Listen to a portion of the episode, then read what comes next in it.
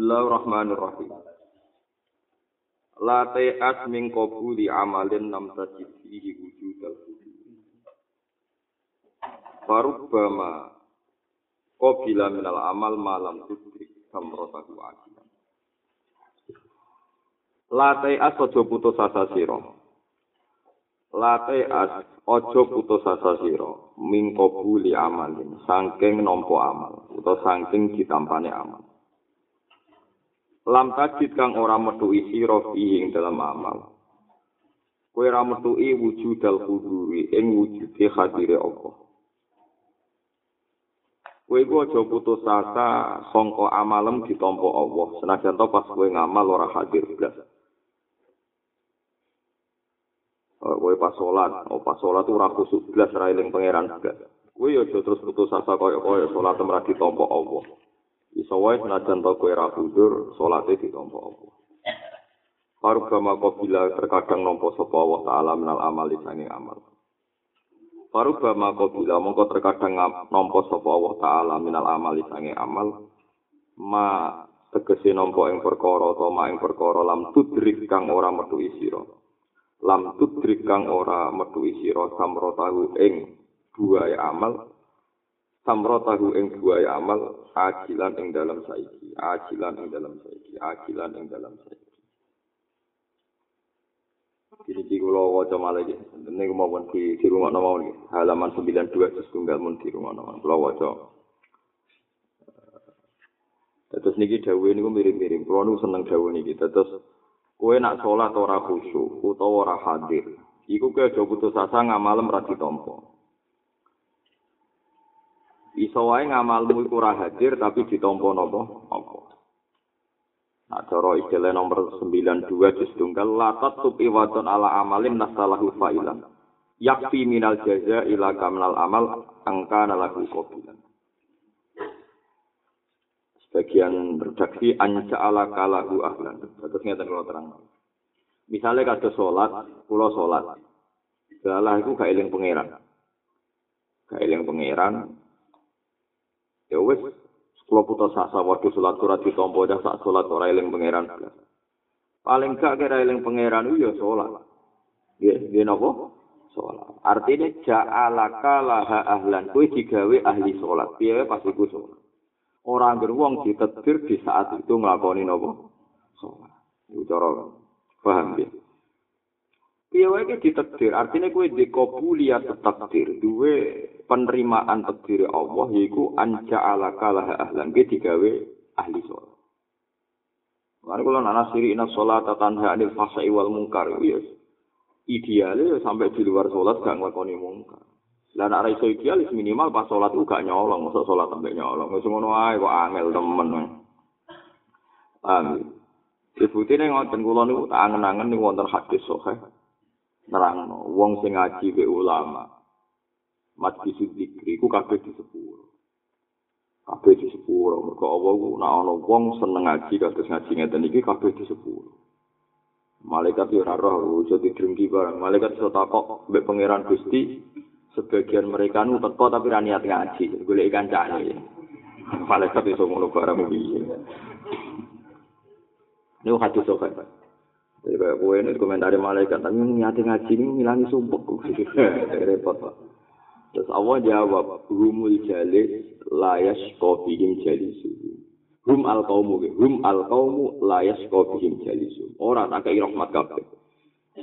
Wong-wong sing ngaji ku kiai ini sak wong-wong ngape itu mereka itu adalah kaum sing ora bakal cilaka wong sing baturi lungguh rum al kaumu layas kofihim jalisu.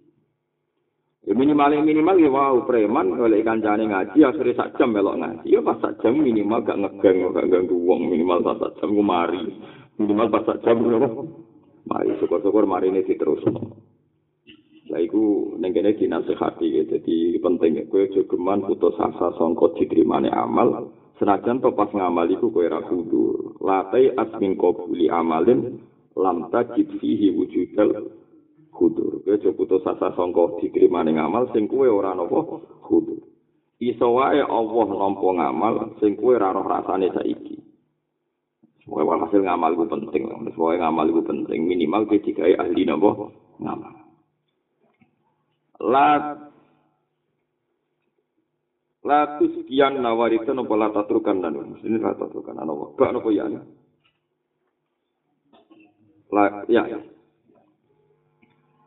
zakka yusaki la tu nawaritan la ta'lamu samrata la tu zakkiyan na ojo bersihno sira ojo sok suci sira ojo nganggep suci sira la tu zakkiyan na ojo nyucakno sira Kowe aja nyucekno waridan ing barang sing tumeka ning atimu. Warid iku nur, nur sing tumeka ning atimu. Kowe wong hikam nak ngistilahno warid iku nur sing teka ning atimu. La tak lamu kang ora ngerti sira. Samro tahu ing buahe warid. Kowe senajan to atimu muka syafa, atimu lagi bener, aja kowe terus sok suci. Aja kowe terus sok suci. Fale samong ora ana apa almuradu apa sing dikersakno minas sahabati sanging mendung. ora sing dikersakno iku wujud al imtara iku udan ya utawa al imtara iku mudani wonten semoco al amtara iku pira-pira udan di sami mawon wa inamal muradu ang mestine sing dikersakno min sanging sahabat iku wujudul asmari iku wujude pira-pira buah iki perbandingan terus ngeten Kue misalnya muka syafa, ngerti Ka'bah sangka kene. Kue muka syafa, ngerti alam malakut. Oh coba anggap suci. Nganti baru kayak muka syafa itu ono buai. Misalnya terus kita wong sing tawadu, sing seneng pangeran, sing macam-macam. Mereka nak ono mendung, itu ora penting udan itu ora penting. Sing penting itu sebab sangka udan. Artinya mendung ono udan terus bariku ono uang. Mendung ono udan terus ono apa? wah wah dan ana mendung terus aja udan tok jebule udan salju malah ra karu-karuan to malah mboten karu-karuan paham ya kan yo akeh udan sing dadekno musibah ada ceritane kaum Ad kaum Ad niku tak ceritani sithik kaum Ad niku Ad berarti umat Nabi sinten Hud wa ila adin akhum hudan kaum Ad niku umat Nabi Kulo nabi ini cerita, so kulo ngaji kan Yogyo tahunan lebih cerita. Kaum Ad niku kaum di sini, suwon nang pol be jenenge Ka'bah, ya Ka'bah Mekah nang suwon. Jadi Ka'bah disenengi wong jahiliyah dan wa Islaman. Kulo tak teng kitab-kitab sepakat nonton Ka'bah itu delalah disenengi wong nopo dan wa Islaman. Wong fasik ya seneng, wong soleh gitu nopo. Pak Sake seneng iso ngemeli ngomong ngambung hajar nopo. Aswa, KPIH ya seneng iso ngambil selisih manasik macam-macam. Saiki manasik iku sak juta rong atus. Iku nak kue untuk uang satu iku wis piro. Wis akeh lho. Lah rong atus wis wae. Mau bayari kiai kon ngursus sangoni rong atus sewu. Seneng kiai ini seneng. Gawe simulasi Ka'bah paling kotak. ditutup mulai terus kemuli Ka'bah Tapi itu juga gede, awam butuh mana sih? Gue cuma ngeritik kayak wong awam butuh. Yang kayak mana sih butuh rezeki? Yuk, gue cuma ngiran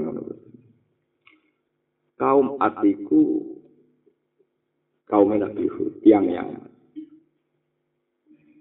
Angger Nabi ku mesti dimusuh wong soleh tandingan. Mulane hati-hati dadi wong soleh. Angger nabi ku mesti di wong musuh, wong di musuh wong soleh apa tandingan. Lah mulai dhisik wong soleh loro. Ana wong soleh sing lurus ilang, wah ana wong soleh sing rondo oleh sithik-sithik. Jadi ana wong soleh dungane mandi. Ditamoni santri ora pati seneng, padahal ini soleh. Mergo salam templek sithik. Tapi tak tamoni pejabat, tapi maju pilkada seneng ya ra karuan. Perkara salam templek gede. Alasan yang Islam sudah ibadah Islam. Ya ono soleh di sini. Mulai di sini ya ono ke gede. Mulai di sini ono.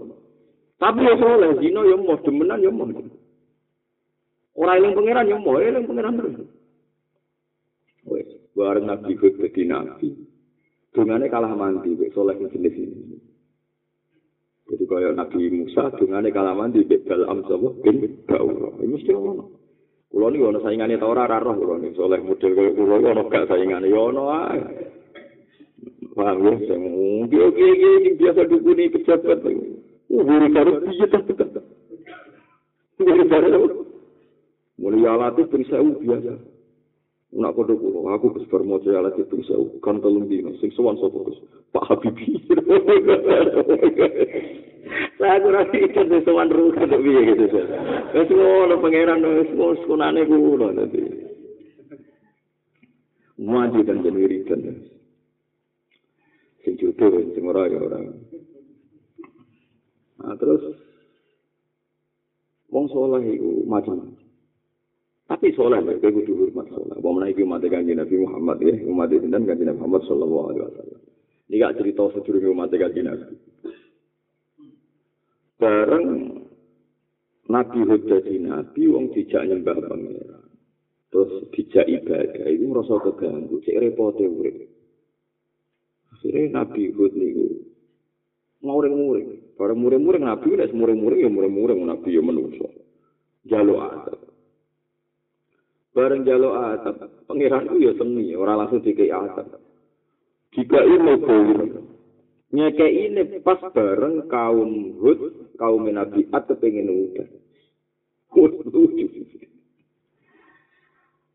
paham ya lengi-lengi enggak enggak sesuai tok ceritanya? Weh tenang. Kaum Nabi itu lomo-lomo. Yang mana yang soleh itu lomo. Lomo itu penting nyewa kiai wau kiai sing rondok soleh sing soleh orderan lho soleh napa orderan. Iki mulai dhisik ana soleh napa orderan. Jika itu kata kan dungo nang Ka'bah nandingi pasute nabi sinten. Jadi nabi ikut maksud no ditandingi iktikaf ning napa disangoni. Sangoni bareng tok Mekah tanggal demo mustajab urung tumibo Dene dibutuh konia, konia itu penyanyi wedok mulai di kunane kuno yo no tarian perut terus dangdutan yo no kus kunane kuno. Paham? Jadi juga kaget nah terus no no apa terus no no jadi saiki kare apa? Terus no Amalani disebut la tukrihu fatayatikum alal jihoi in aradina tahassunal kita bedahu aradul hayatid dunia. Jadi di sini anggar ana wong iku senengane iku di cawe dok lima kondang dutan. Engko ana wong duwe gawe ndang dutan engko terus gaji. Ya ana sing nganti di order sak wong ya ana sing ndang dutan tok. Pokoke walhasil kunane kuno iku wala tukiru fatayat fatayat cawe dok nom dipaksa nglakoni biro biro iku pelacuran ujung-ujunge ya engko ditabdahu aradul hayatid dunia. Ujung-ujunge iku golek duit. Nek kok cetak kok. Quran yo bakas ngono yo bakas. Barang dunya barang dunya kabeh dibakas. Quran aneh saiki ana ngono iku yo ora aneh karek napa? Terus ana wong alim ora dunya apa iku tenang wis roh kabeh. Sing cuma delok tenan yo roh ngono ae ora delok tenan. Yo ora apa ya tak gedung istighfar namno ketompo lali akhirnya barang lali wis eh, asik-asikan nyanyi penyanyi-penyanyi iku. Mendung teko. Mendung teko tok Yaman ireng. Jare wong Yaman falam maro auhu aridum mustaqbila audiyatihim qalu hadza aridum mumtiruna. Falam maro auhu aridum mustaqbila audiyatihim qalu hadza aridum mumtiru. Kaum Ad atau kaum Yaman ya, Ad saat ini napa? Yaman. Mulane Yaman darani Khadir Maut, darani kota mati, mergo kota sing tau disiksa, mergo nentang nabi sinten? Hud. Nah, jadi dia namanya Ahqaf, terus Ad, terus napa saat ini napa? Khadir Maut, terus saat ini napa? Yaman. Mulane makom Nabi Hud tunggu di Yaman, di Kholina, Sa'ban. Salam. Bon. Jare kaum wah mandi dungane Pak Yai. Saiki ape udan. Am atiku wis kekeringan saiki ape apa udan. Aridum mumtiruna. Mumtiru sing kata impor, manane napa? Udan. Nabi Hud mulai susah. Waduh, kok kalah mandi? Aku dengak wong kene kekeringan dan mergo kurang ajari mari kok malah. Sujud pikiran Gusti. Lan nabi jenengan kok kalah. Nabi Hud akhirnya maklumi, piye wae sing donga saiki ning arep Ka'bah. Panik. Akhirnya Nabi dikandani pengiran, oh ora wong ora ning arep Ka'bah cek demenan sing situ. Sing soleh orderan iki cek cek demenan. Susu pas tengah di mana dealing nabi sing wedok. Jadi mulai dhisik kabeh dihormati. Ya ora ning pinggir Ka'bah, demenane ning seputar kono ning seputar Mekah. Lho, jenengan mriki rak disewa kaum jenengan ke donga ngarepe Ka'bah. Kok malah demenan mek kula sepundi kono nang donga. Donga wis kliwat. Lho, iya ora disewa wong wis kana wong wedok wis kliwat barang akhire. Akhire falam maro auhu aridu mustaqbila audiyatihim qalu hadza aridu mumtiruna. Audiyahu jamae wadi. Ketika melikan delok mendung, mendunge iku pas dhuwure no jurang ya audiyahu jurang. Jadi wonge pede kok tak dongano udan, udan itu tepat sasaran. Jadi pas ning dhuwure jurang. Wong keramat-keramat itu. Qalu hadza aridu mumtiruna. Terus Dabuhud diwahyani pengiran bal huwa mastajaltum bi. Rihun fiha adabun alim tudammiru kulla shay'in bi amri rabbiya fa asbahu la yura illa mata kini jebule iku udan puting beliung napa udan Iku kena gue cerita, jadi wong wajah geman gedeng wong dolim nemen-nemen. Perkara wong dolim lah mesti di andalan wong sing dungane mandi. Jadi dari pangeran tobat. Paham ya? Nabi Musa disaingan sinten Balam bin Nabi Musa kekasih pangeran dipasut nobel am iso kalah. Mubah mubeng ning gone ora roti. Pedok Israel gak tok muter Israel gak tok muter. Nabi Musa nak dibutrek tuko. Gusti kula ning nabi jenengan kok bingung. Gak terima. Jadi pangeran aku itu profesional sama Musa. Angger wong donga nganggo ismul azam tak semadani senajan to korbane kuwe wong piye sing ndongakno kuwe kuwe nganggo ismul Hati cara pengiran itu aku profesional, aku anggur ganggu tunggu itu ya tak sebadan. Korbannya itu ya Allah. Gak repot tapi. Mulane bedene wong ngabang-abangan sing tirakat. Wong tirakat itu dungane mandi. Wong abangan ya kuat lesu. Ya ini jadi jadi acara mangan mangan yo mandi nanti pasut nong kalah nopo tirakat. Mau aturannya bawa ngerti tirakat mandi. Akhirnya Nabi Musa sujud gusti bihaki ani kali muka wa sofiyuka. Kalau dia dungo pakai ismul azam sekarang saya matur gusti. Kulo ini kekasih jenengan, nabi ini jenengan, nabi yang paling sering jenengan jak dialog kali muka. bal amil ojo ini sederenge diambai suul khotimah lan ilate merah. Nabi Musa piye dipasut nomor bingung males suul khotimah Nabi Musa wah parah. Tapi iku ora dibenerno to ora di kanjeng Nabi Muhammad sallallahu alaihi wasallam. Dadi kayak kudu pasutan kaya Nabi Musa, Nabi Nuh gak berlaku kanggo umat kanjeng. Mulane Nabi Muhammad niku ora oleh anut Nabi Nuh.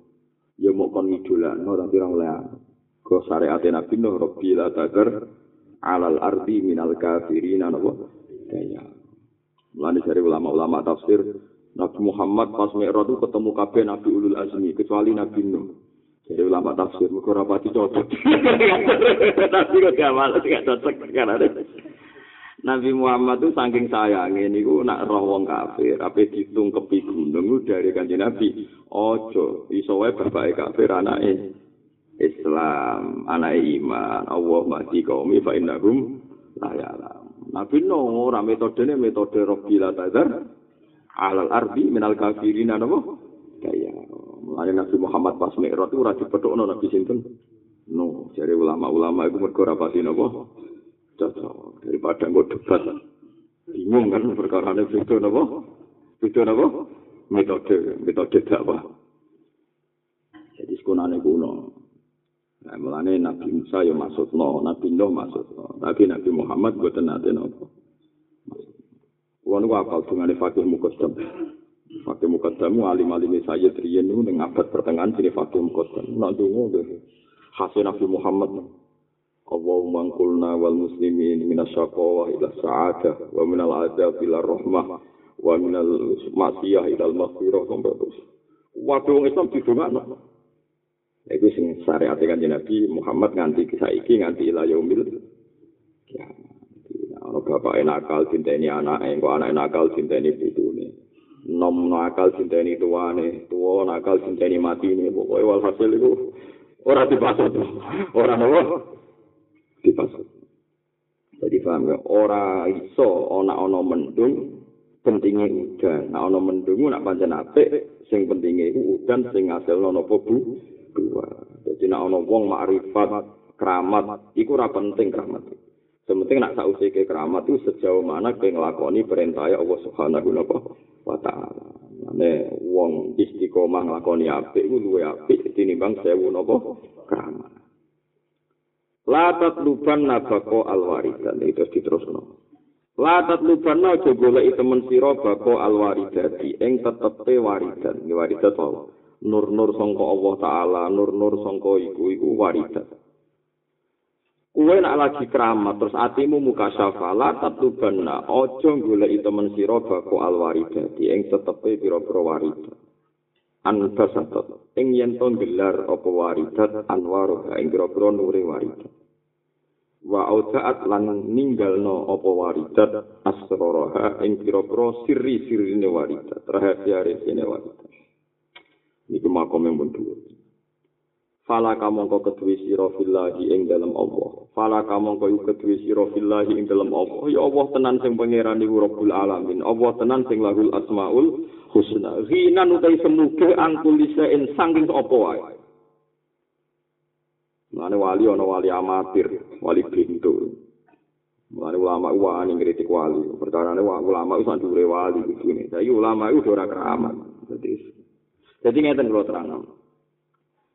Misale kula niku wali anyaran. Wali anyaran dikai muka syafa. Dilala moro Ka'bah sak kedepan tok napa? Ka'bah. Sak kedepan tok Ka'bah iso wukuf ning Arafah. Yo wali wong kok kramate ngono yo wali. Suatu saat, misalnya saiki dina Selasa ngono. Kulo niku sak wulan ke depan di cancel mbek pangeran. Ape terbang ora terbang, penting aja jeblok gitu. Ape terbang ora terbang, ora keramat. Kue itu rasa gue ikramat itu kembali lagi. Ya hilang Allah. Jadi cara makom ulama-ulama wali-wali sing wis pokok itu gak keramat nah wis lah gak popo. Aku jadi pangeran. Fala kafillah hinan angkulise intiwe sing ilang terima keramat. Keramat iku makhluk. Wong nek seneng apa wis Allah iku cukup. Piye Allah Rabbul alamin. Fala kafillah hinan angkulise Wes wong ora sekali Allah ya hinan angkuli sen saiki Allah ora ilang tetep sing ilang mau keramatan ya keben wong trimo keramat wae ilang Allah. Ane sing keramat keramat saiki semuni ngono ora keramat Allah. Paham ya penting duwe Allah. Falaka fillah hinan angkuli. Ane nak keramat ilang muka safa ilang rasa mbok golek ilang Allah. Paham ya? Mulane wali-wali ku nak sing sangka jalur ulama iku ora suwi-suwi kramate. Perkara ini apa hilang ra digoleki. Jadi wis. Kulo nu ngrasakno tenan. Kulo nu nate muka sapa ndelok banyu niku pokoke ora kaya alam biasa. Niku bar iku ketutup. Iki biasa mah. Yo ora tak goleki ora dungo yo bali. Teko ya karep, yo ilang ya karep. Ya perkara niku kabeh ulama niku dites falaka fillah hinan angkulin apa? Iku masyur ceritanya Abu Yazid Al-Bustami. Abu Yazid Al-Bustami itu diangkat pangeran yang alam malakut. Pertama diperdui Nabi Khidir. Anal Khodir, na'udzubillahi minka. Jadi na'udzubillahi minka, aku tuh sampai butuh kue. Terus Nabi Khidir ke iso ngerayu. Didudono alam malakut. Didudono suwargo. Kita kok pangeran. Hal ro'aita khusnah, kue rapi suwargo. Na'udzubillah, sangka rapi suwargo. Suwampe. wabah keramat sing didudono dekne muni naudzubillah. Lah terus karep piye? Bae kula nu namu butuh jenengan malah didudono swarga nabi khidir aneh jenengan. Terus Jawa pengenan anta abdi hakko niku kowe iku kawula ku tenan. Kowe ora pantes ning swarga, pantes mikir aku mako kowe. Cara kowe kada swarga mandek. Mandek wis oke Gusti, nuwun to Ada kaya Nabi Idris, jadi pangeran seneng, mesti tebak-tebakan. Barang diangkat ning swarga, kerasan. Kandani pangeran, Idris ki urung waya ning swarga. Jadi kuwaye balik ning dunya. Nggih Gusti. Balik ning dunya sadhe sandale ditinggal sitok. Tinggal sitok terus bareng bareng terus nang medun ning sok dunya, urung swarga urung waya. Nggih Gusti niki kuwi sandal kula coba sitok. bareng digoleki ra ketemu nganti saiki paham ya mung suara apa lah akhire tak itu gak medem-medem mulane mbok ono cerita ngono cara iki lek tuku nak. Ya repot apa antum kromo. Wong pangeran iku seneng beda wong saleh sing kekasih seneng dibeda. Kalau seneng dibade pangeran kekasih-kekasih lucu-lucu. Ya pangeran dong disebut kali wong-wong sing wis makome ngono. Pangeran iku seneng be kaulane istiqnas wasik. Nabi Ibrahim as pinter-pinter wong, ya tetep kalah dia pangeran, ora pangeran ya kalah. Nabi Ibrahim itu digelar Khalilur Rahman. Apa gelarnya? Itu resmi. Malaikat Jibril verso semua alam malakut verso. Suatu saat malaikat Israel itu teko. Oh, ya Khalilur Rahman, aku ditugas no jabut nyawamu. Nabi Ibrahim ku kaget, pol kaget. Loh, pengiran itu piye? Jadi wong manja ya, pengiran itu piye? Jadi aku Khalilur kekasih kok dijabut nyawamu. Iku isaah, maksudnya ngelek aku. Loro jabu nyawa. Waduh, malaikat Israel bingung. Hal ro'ay tal khalil yusi'u khalila. Kira, kekasih kok ngelarani. Kekasih. Wah, Israel bingung, ora tau ngaji. Kok yang mana bingung. Ora iso debat kan, malaikat kan lugu.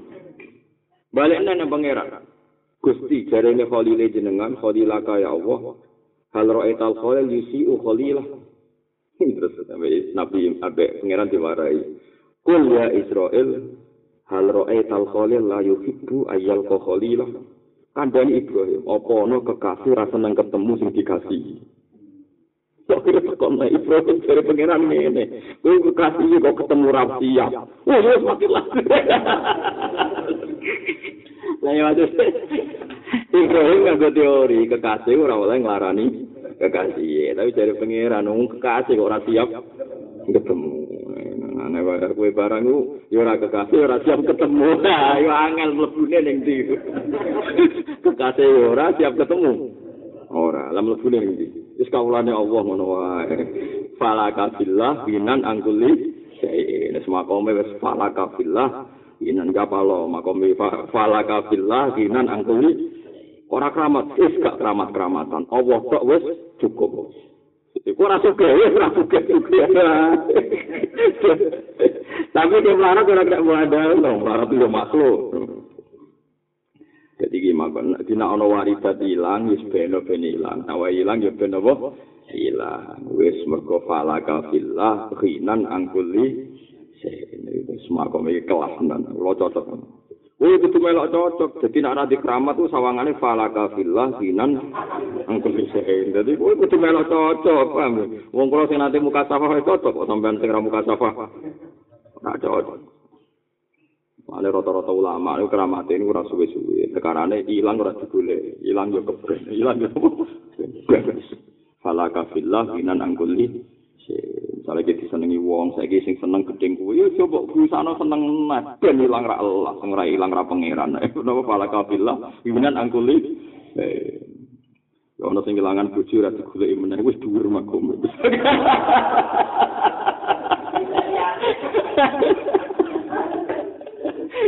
Jadi wis pakome pala kafilah, iminan angkuli. Jadi apa lo, Soalnya ngaji hikam ini pas dulu hijau celeng-eleng. Soalnya ngaji dulu hijau ada keterangan fali sabillah, falaka billah, rinan anggul nisain.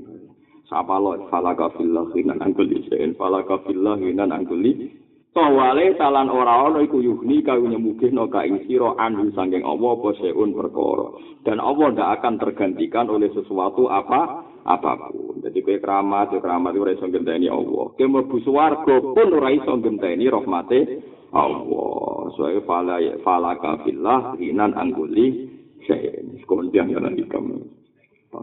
Ada sing keramat-keramat iku kudu nyekel iki. Kenapa ora keramat? Fala kafillah hinan angguli sayen. Kenapa ora suke? Fala kafillah hinan angguli sayen. Kenapa ora jabat? Fala kafillah hinan angguli Kenapa kowe ra santri, ra duwe pengaruh, fala kafillah, ginan anggone. Wis kodang apa. wis bingung ana dalile. Tatol lu tatol lu ila bako iwiri. dalil iki cek bakas keramat tatol luka ala bako iwiri dalilun ala adami wujudani kala masyaallah tatol luka utawi oleh nginceng-nginceng sira utawa oleh arep-arep sira tatol lu ndelok-ndelok ambek arep-arep iku jenenge tatol Nah, toma iku arep-arep dikai wong tatol iku sangka kata tola aitila iku ndelok-ndelok Tatol lu uka utai oleh delok-delok siro, arep-arep siro ila bako iwiri, maring tetepe liyane Allah. Misalnya kayak keramat, kepengen keramat ono terus. Misalnya kayak suge, suge kepengen ono terus. Misalnya kayak santri akeh, kepengen santri akeh ono terus. Iku dalil, iku bukti, atau dalil ala adami wujdanika. Ing atase oleh ora metu isiro. Kowe iku rong iso wujudan, ora iso metuhi dalil niku dalil ala adami wujudani ing atase dalil oleh mrametu isira lagu maring Allah nanti kowe kepengin keramat keramat sing ilang mbok arep-arep bali mergo kowe urung iso metuhi Allah nek wis metuhi Allah keramat ilang ya ora mbok goleki mergo wis bareng ambek Allah Subhanahu wa taala kowe di pengaruh pengaruh ilang ya ora usah goleki mergo saiki kowe wis bareng Allah Subhanahu wa taala wis dianggap ilang ya keben. Silang ya keben balik ya keben sesuai saiki mbek Allah. Wasti hasuka utawi olem asing sira. Kowe terus ngrasa asing lifuk danima krana ilange perkara utawa sepine perkara siwa kang sakliyane Allah.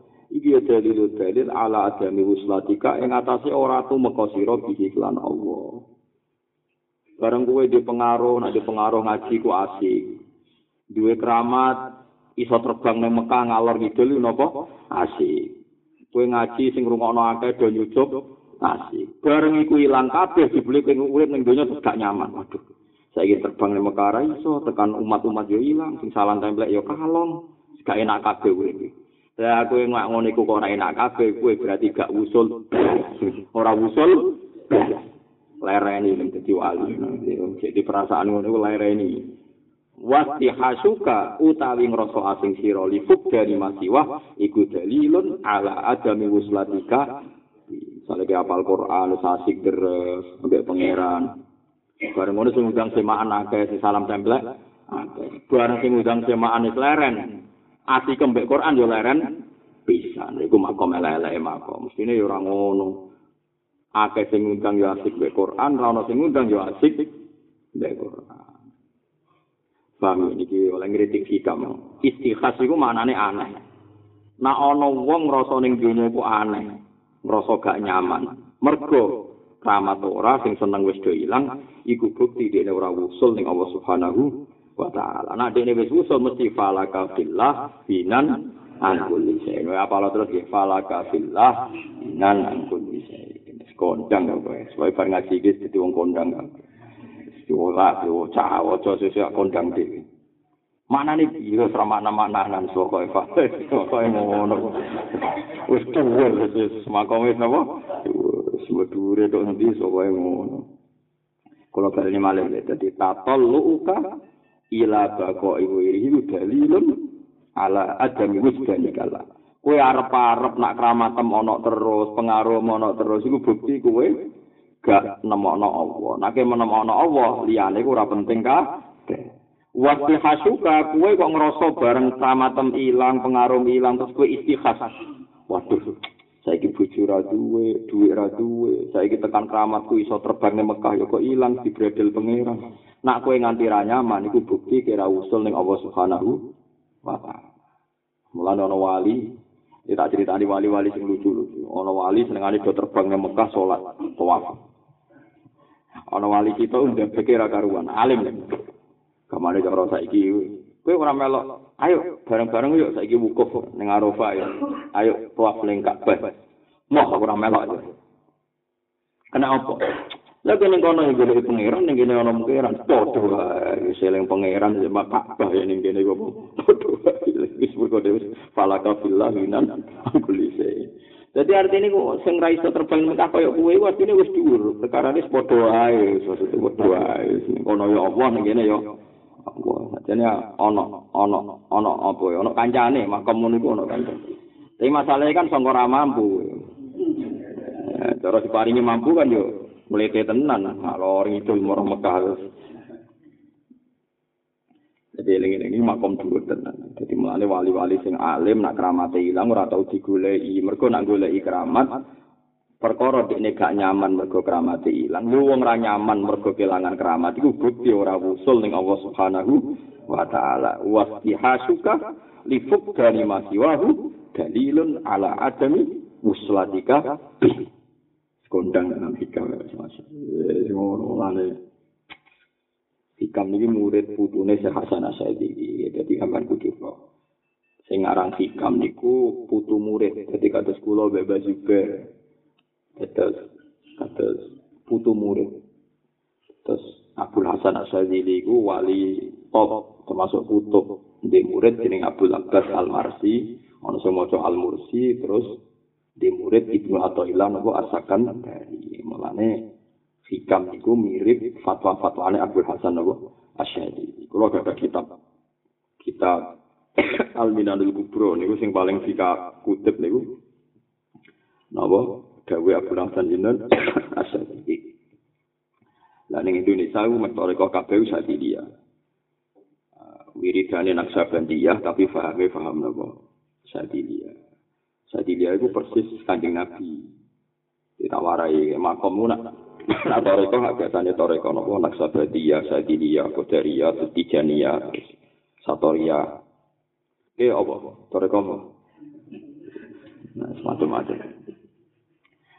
Ya, bapak niku bapak kula niku sangat-sangat sadilia. Tapi kebetulan nanti wiridan gitu. Dia tetap terus Quran biasa, gitu, uripe biasa.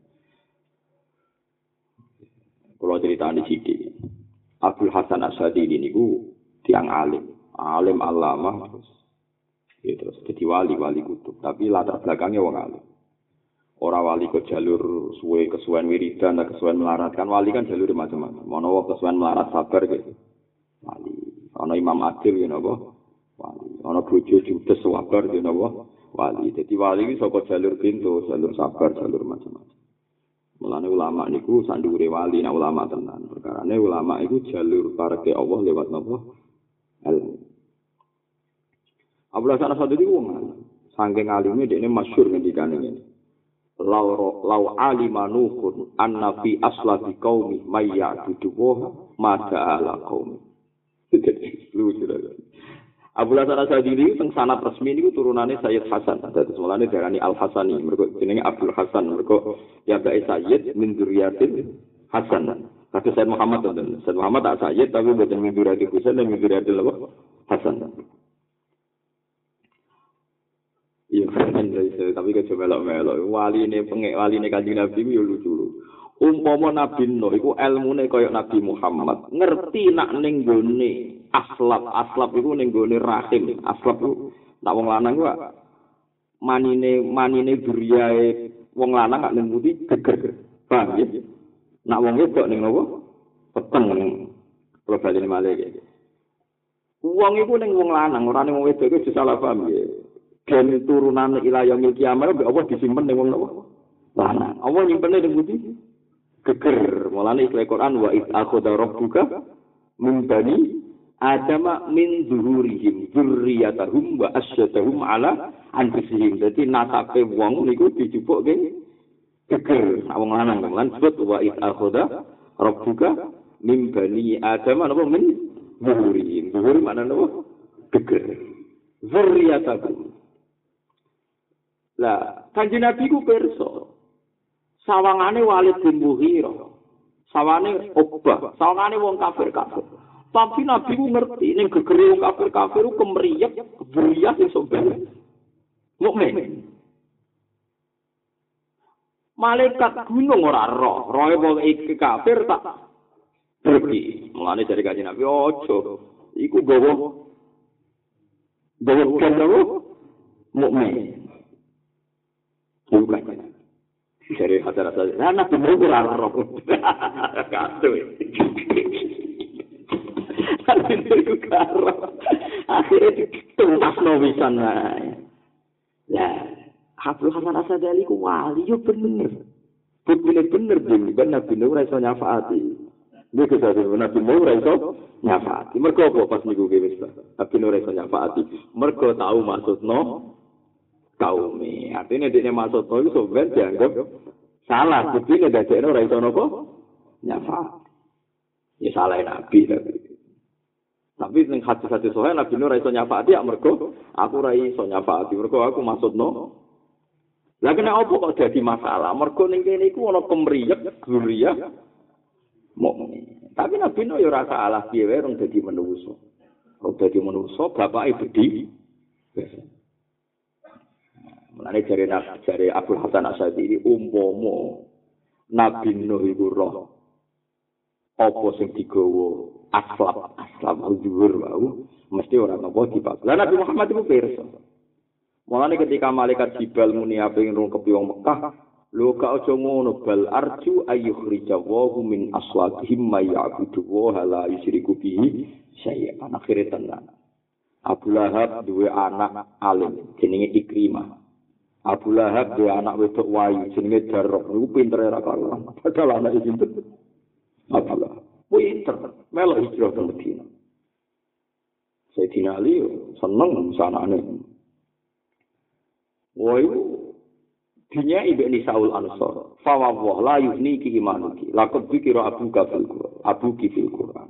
Kue ku iman rono gunane. Pangeran nak ngenyek kue ngenyek bapakmu nganti mlebu Quran. Jadi sak maksudnya kelirune bapakmu nganti di dokumen Quran. Kue ora ono gunane iman. Akhirnya matur. Padahal Abu Lahab misanan ter agar roh nu misanan ter sinten? Kanjeng Nabi, wong Abu Lahab paman kandunge Kanjeng Nabi. Akhirnya Kanjeng Nabi pidato balagoni aku untuk berita dari kau ngelarani keluarga aku iki keluarga aku kejegeman ngelarani nopo keluarga semenjak itu sono toleransi nak nimami daro ora maca tabat jada jadi toleransi. Ya toleransi surat. Jangan baca ayat itu. Jadi ini perkara ini makmumin apa? Daro jadi kayak kudu jadi walid itu koyok ngono gedingin nabi. Akhir ono asbab nuzul musuh Nabi perkara ini sinten Walid. Walid dia anak Khalid. Abu Jahal dia anak Ikrimah. Abu Jahal, Abu Lahab dia anak nopo? Us. Padahal mereka songko bibite wong kafir. Mulane saiki kowe nek wong dolim itu gedeng teman-teman. Misale ana copet iki gedeng nyopet. Itu aja ngecap ki ora pangeran sing roh sapa.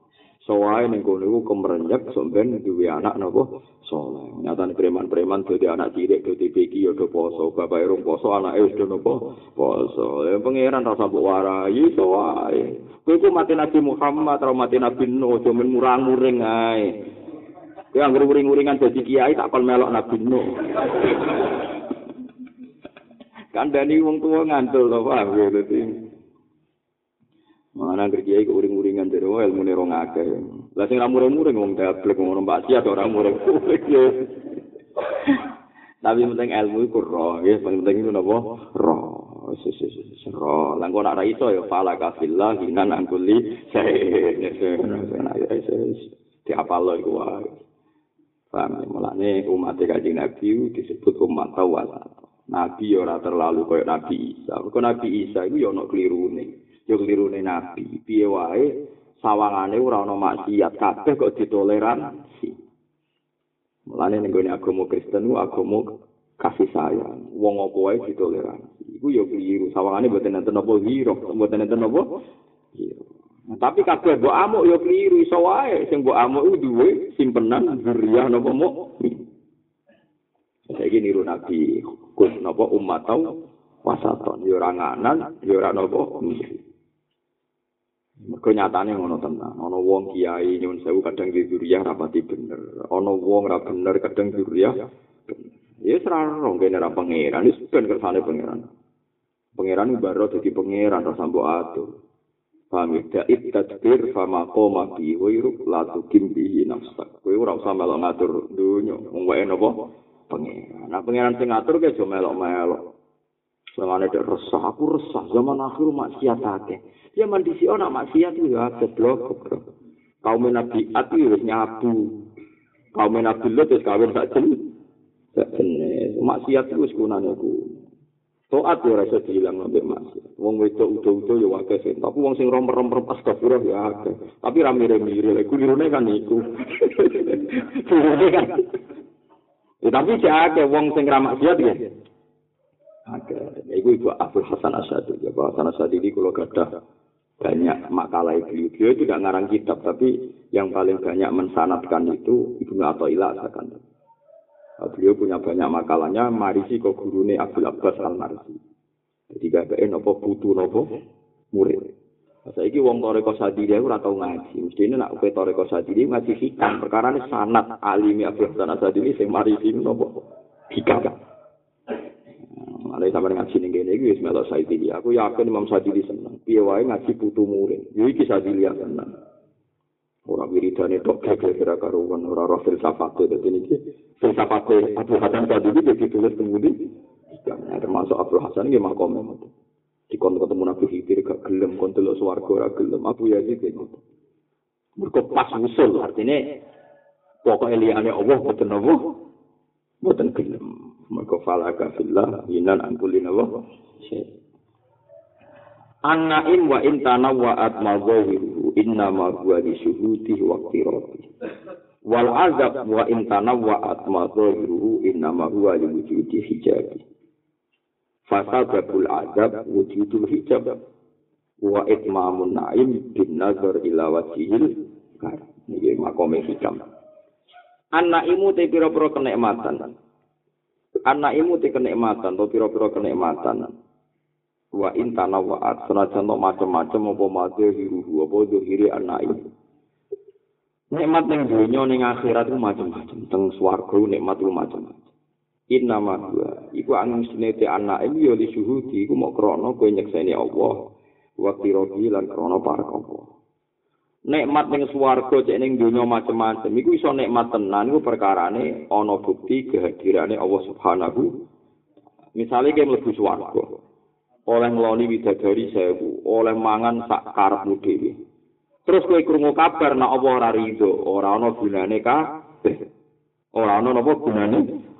Nanti swarga iku ana gunane mergo bukti parek Allah Subhanahu wa taala. Umpama ora ana iku ora ana gunane. Iku cara makome tiang-tiang sing usul. Ono nikmat iku macem-macem. Nikmat ana gunane ya innama huwa li syuhudi wa tirabi.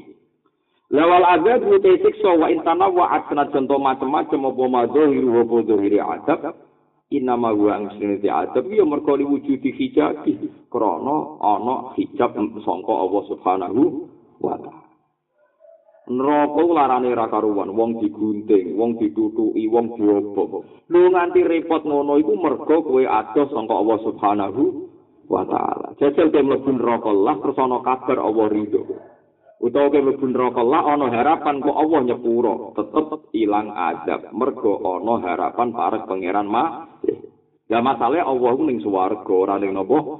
Neraka Mulane kok puncake nikmat fasa babul adabi mongko disebab siksa iku wujudul hijab iku anane hijab. Perkarane wong ning neraka berarti hijab sangka Allah Subhanahu wa taala. La wa itmamun naimi utai sempurnane nikmat iku bin nazari kelawan ningali ila waji maring zati Allah al karim kang agung to kang mulya. Buat jelas ya terus wong iku kaya apa nikmate swarga. Nak kowe entuk kabar lan entuk ridane Allah ora ono gunane. Nganti swarga kaya ngono perkara ning kok entuk bonus entuk ningali Allah Subhanahu wa taala. Lilladzina ahsanul husna wa ziyada. wujuhi yawma idzin nadhira ila rabbiha nadhira napa wujuhi yawma idzin nadhira ila rabbiha nadhira difaham gitu lah saiki kowe ning donya ning donya nggih ngoten wong-wong sing parek Allah niku ora usah ngenteni akhirat wis parek Allah iku nikmat sejati iku lho baleni malih wong-wong sing parek Allah niku senajan toronge akhirat ya wis parek Allah lha iku nikmat tenan Mulane jarene Abu Yazid Al-Bustami, An-nar al-ghafla asyaddu minan nar. Al-ghafla asyaddu minan nar. Diparingi lali pangeran luwih dahsyat tinimbang mlebu neraka. Ya diparingi lali pangeran luwih dahsyat tinimbang Umpama dia mlebu neraka terus eling pangeran, Allah iki mirsani kuwe iku jek aman. Piye-piye Allah iki eling kuwe. lara-larane ning neraka nek is Allah ngitopi fal yauma nansakum kama nasitum liko ayomikum wis lara-larane wong ning neraka. Wis ning neraka disiksa Allah ngumumno aku lali kuwe kaya kuwe lali aku. Ya wong kok diperhatekno sing duwe neraka Lah nek mlebu neraka iki diomongi, "Kan neraka sik yo, kok kapan-kapan tak jupuk. Aku cek eling kuwe, tetep ayem. Mergo koyo dimonitor, nggih koyo napa? Dimonitor, dikontrol. Lane saiki donga fatkuruni napa? Askurku lane tak ijazahi kene ning neraka aja lali-lali nyebut Allah. Piye-piye kena dilaleni malah bar. Paham ya? Jadi mulane lara-larane azab itu fal yauma nansakum kama nasitum liko ayaumikum. Lagi wa makwakumun mulane dari Abdul Hasan lara-larane dunia iku nisya napa? Nisya. Pagi lara-larane dunia napa? Nisya. Ning akhirat lara-larane napa? Nisya. Kaya opo larane wong mlebu neraka diumumno nek Allah gak merha tekno. Mesti Allah lali mboten berarti. Yo lara tenan. Nak pangeran wis nglalekno dekne, kan gak mungkin ana instruksi dilebono swarga. Wong malaikat malik yang nunggu perintah pangeran, malaikat Zabaniyah yang nunggu, jebule Allah gak bakas blas. Lah nek kowe mlebu neraka kan jadi bekas bakas. Tahu sujud, dia tahu ngaji, tapi kudu neraka bedike. Nggak jebril turut malik Gusti ngombe sampun urung bedike sik ana. Kan tapi yang bekas bakas. Lumayan kan? Sesuai kan hasil bakasan itu kan. Terus saya ya bu, pintar. Lah nek ora dibakas blas. Nah, mulane swarga iku dadi apik perkara ning kono ketemu apa mulane paham ya dadi nggih to mulane ditutup sampai hikam wa itmamun naib wa iku bin nazar ila wajhil karim dadi eling-eling dadi mulane ning lan duwe iso mergo ning donya yo iso ana apa paham ke para Allah kan gak usah ngenteni ning swarga kan Allah kan wujud mulai sa saiki mulane para mulai saiki Mulai dari ulama-ulama kados hikam nerangno, umpama wong iku law asyraka laka nurul yakin to nurul basira. Umpama kowe iku nurul basira ngenteni iku ora usah swarga neraka. Swarga neraka iku sik sumben. Mergo swarga ibarat sangka parek Allah, neraka ibarat sangka adaka Allah. Lah Allah saiki wis ana mulane parek sak iki. Lah saiki wong saiki bento-bento. ngenteni kok karwane ning akhirat. Dung Allah ana saiki kok hubungan ngenteni ning akhirat. Wong kok aneh ra karuan. Mungkin Allah ora ana saiki. Kenapa kamu menunggu hubungan kamu dengan Allah ngenteni ning nopo? Sampai pada di sing aran hikam dadi an-naim eling-eling an-naim wa in tanawwa atmadhuhu ya fa inna ma huwa mu'lisuhudi wa qirati. Nikmat itu cek macam-macam bentuke semua kok balike mergo wong iku lagi para pangeran nanyekse keberhadirane pangeran. wal azab wa intana wa atma ya inna ma huwa li wujudi napa? Hijabi. Paham ya mulane fasa babul azab ya mau wujudin hijab. Nganti ana azab mergo ana hijab. Wong ning neraka iku angger lara perkara sak lara-larane neraka iku ora lara mari lara digawe pangeran inna nasinakum kama nasitum liko ayomikum hai Wes ngeri tenan. Wong kok diumumno dilalekno pangeran. Wis ora iso mbayang. Yen ora kowe diusir kiai, sakura bakal nyebut jeneng wah lara. Nek mau diusir sekoras saja mondok, setahun iki leren wis enteng. Wis kena aku moro rayu. Eling gua terus lara-larane wong iki. Lah terus wong mlebu swarga nikmat perkara apa? Engko ora ana hijab. engko wa itamun nazik naim bin nazar ila wajihil karim